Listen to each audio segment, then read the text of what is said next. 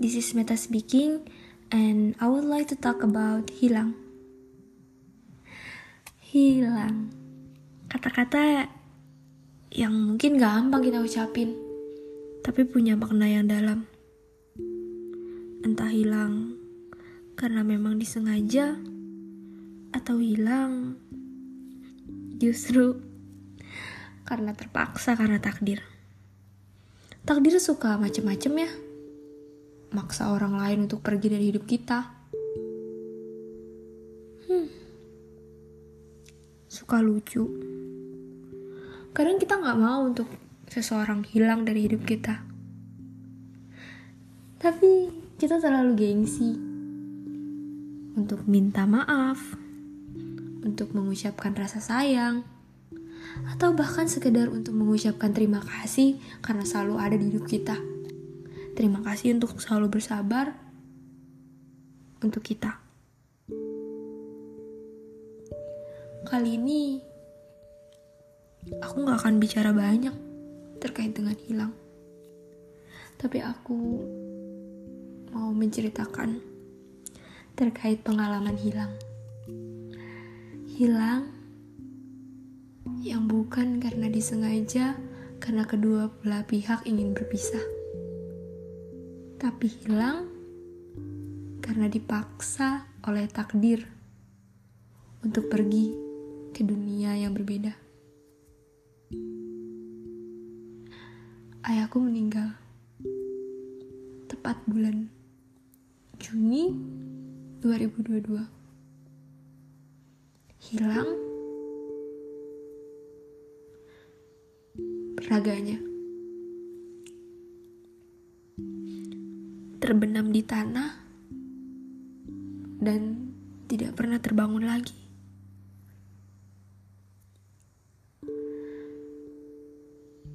Huh. Hilang adalah kata yang mungkin sepertinya biasa, tapi punya makna yang luar biasa. kita cuma bisa merasakan kehilangan ketika benar-benar tidak ada. Tapi dipaksa oleh takdir karena karena memang waktunya sudah habis akan lebih menyakitkan daripada hilang karena sengaja.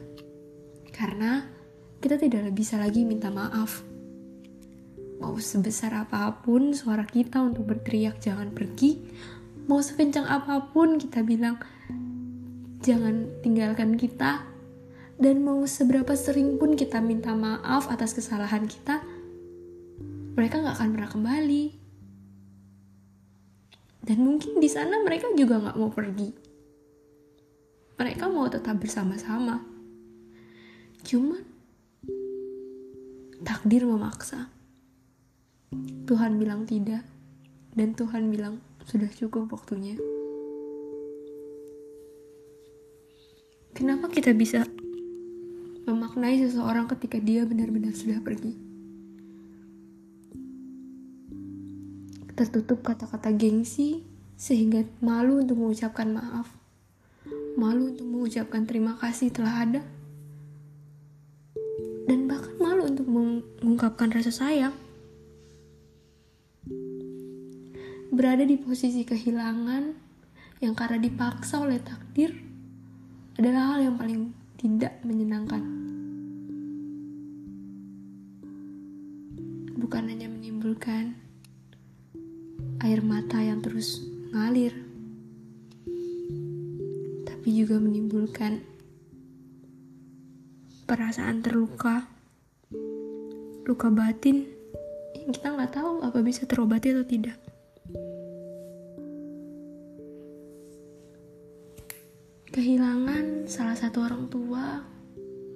Hal yang gak pernah aku bayangkan sebelumnya. Tinggal dengan supportive family, keluarga yang selalu ngedukung, yang selalu percaya akan cita-cita yang aku milikin. Cita-cita anak kecil yang kadang suka aneh dan nyeleneh. sebesar apa pun kita kita tetap sebagai anak kecil gak sih di mata orang tua dan begitu pun aku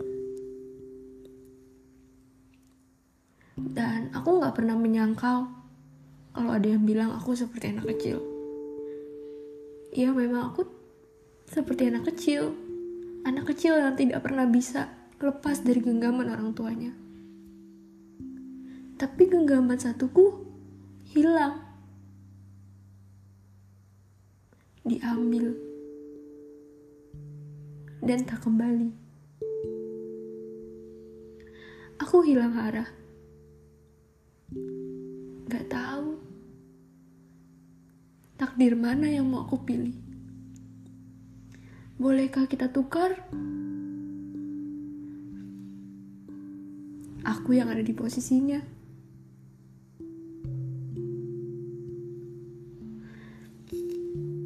Tapi takdir begitu kejam ya ternyata.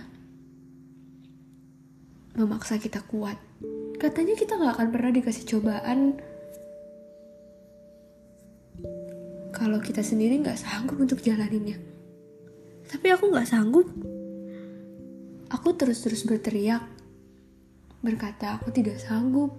Aku minta tolong. Aku minta tolong untuk jangan dihilangkan. Tapi doaku tidak pernah berbalas. Doaku tidak pernah dikabulkan. Ayah tetap hilang, terbenam oleh tanah, dan tak pernah terbangun lagi. Bukankah dia penasaran bagaimana keadaanku sekarang? Bertanya, apakah perempuan kecilnya sekarang sudah bisa mandiri? Apakah perempuan kecilnya sudah tidak ngabekan lagi? Atau apakah perempuan kecil yang masih suka minum es krim, makan es krim, McDonald's Oreo kesukaannya? Berat ya?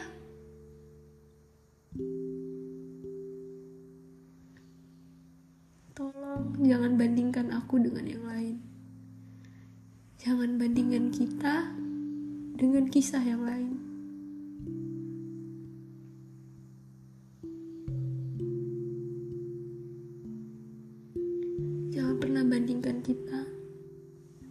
Kisah-kisah yang lain, karena itu sungguh nyakitin. Dan jangan tanyakan kita, kenapa dia hilang? Sakitkah? Sudah lamakah? Kenapa nggak dibawa ini? Kenapa nggak dibawa itu? Stop. It's hard. Kita nggak ada yang mau dia hilang. Kita udah berusaha maksimal. Tapi Tuhan lebih sayang. Kalau benar Tuhan lebih sayang, tolong. Tolong benar-benar jaga dia di sana. Tolong benar-benar jaga papa di sana. Tolong benar-benar sayangi papa sebagaimana papa penuh dengan kasih sayang kita di rumah.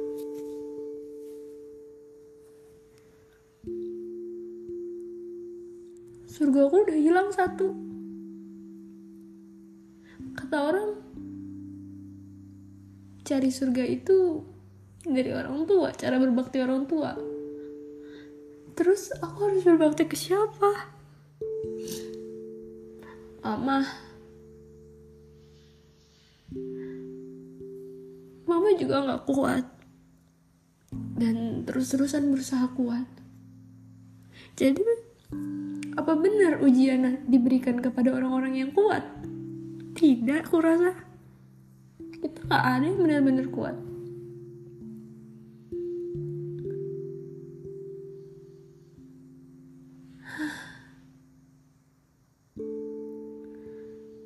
kadang aku suka ngerasa kita seperti dibawa ke tempat kosong hampa yang gak ada apa-apanya. Mengibaratkan seperti dunia ketika kita benar-benar kehilangan. Apa yang ingin kita cari? Apalagi yang ingin kita harapkan?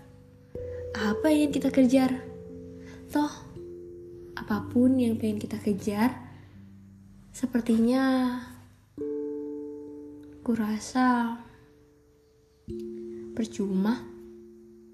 Bukankah setiap anak ingin sukses demi membahagiakan orang tuanya? Terus, aku bagaimana? Nanti kalau aku sukses, uangnya buat siapa? Bahkan aku udah gagal jadi sebagai anak. Aku gagal sebagai anak. Aku belum bisa berikan apa-apa saat dia masih hidup.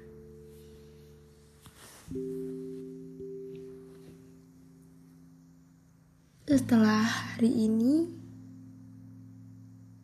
dan setelah bulan Juni 2022 berlalu, aku masih sempat meragukan apakah aku bisa atau tidak melewatinya. Tapi aku harap aku bisa. Sebagaimana aku berharap kalian yang ditinggalkan juga bisa juga bisa kuat dan setidaknya pura-pura kuat. Kayak aku oh ya aku rasa terlalu menyedihkan kalau kita terus-terus berlarut dalam kesedihan ini.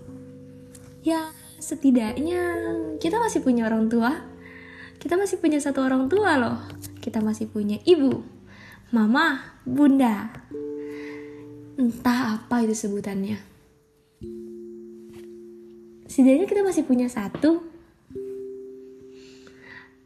Atau kita masih punya diri kita sendiri untuk kita perjuangin.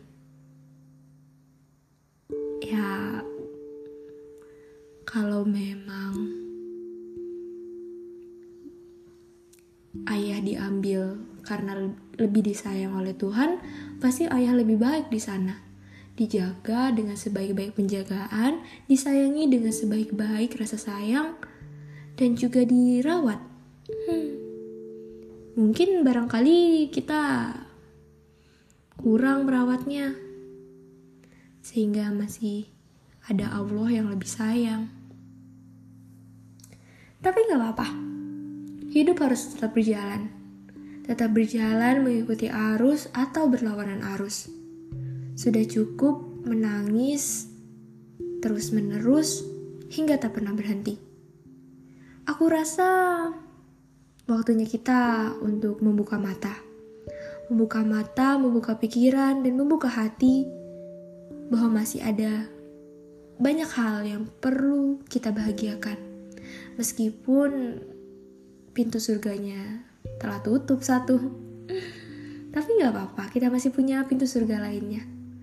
Kita masih bisa saling support, masih bisa membahagiakan ibu, dan masih bisa untuk pura-pura tertawa kan? Yuk, aku ajak kalian buat sama-sama mengambil sisi baik yang sebenarnya nggak ada sih sisi baik dari kehilangan tapi setidaknya kita harus membuktikan kalau kita dan diri ini masih bisa berjuang dan membuktikan bahwa emang ujian ini hanya terpilih untuk orang-orang kuat seperti kita dan buktiin dong kalau kita emang benar-benar kuat dan aku rasa Waktunya kita untuk shining. Waktunya untuk kita bersinar. Dan waktunya kita untuk membuktikan kepada dunia bahwa meskipun kita sudah pernah hilang arah, kita masih bisa tetap ada.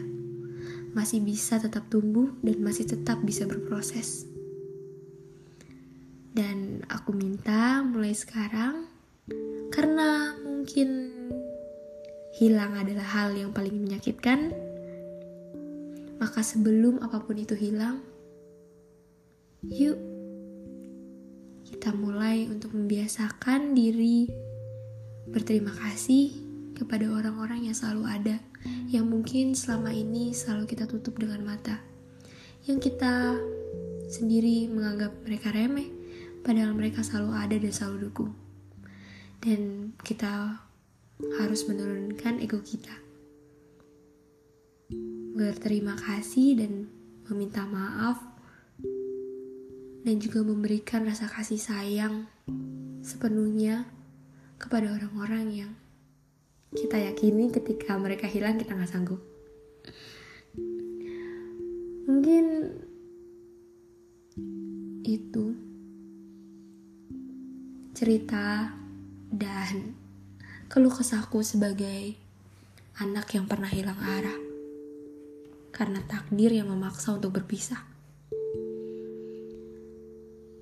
Terima kasih udah mendengarkan podcast kali ini dan aku harap kita bisa sama-sama menentukan arah kembali meskipun pernah hilang. Dan aku harap kita bisa sama-sama berpura-pura kuat, setidaknya untuk menutupi luka. Dan semoga pura-puranya kita membentuk kita menjadi orang-orang yang benar-benar kuat. Dan aku tunggu ya. Aku tunggu kuatmu dan aku tunggu senyummu. Dan aku tunggu kamu untuk berterima kasih, mengucapkan maaf, dan menunjukkan rasa kasih sayangmu kepada orang-orang yang kamu khawatirkan hilang. Terima kasih sudah mendengarkan metalo gue. Kita ketemu lagi di podcast selanjutnya.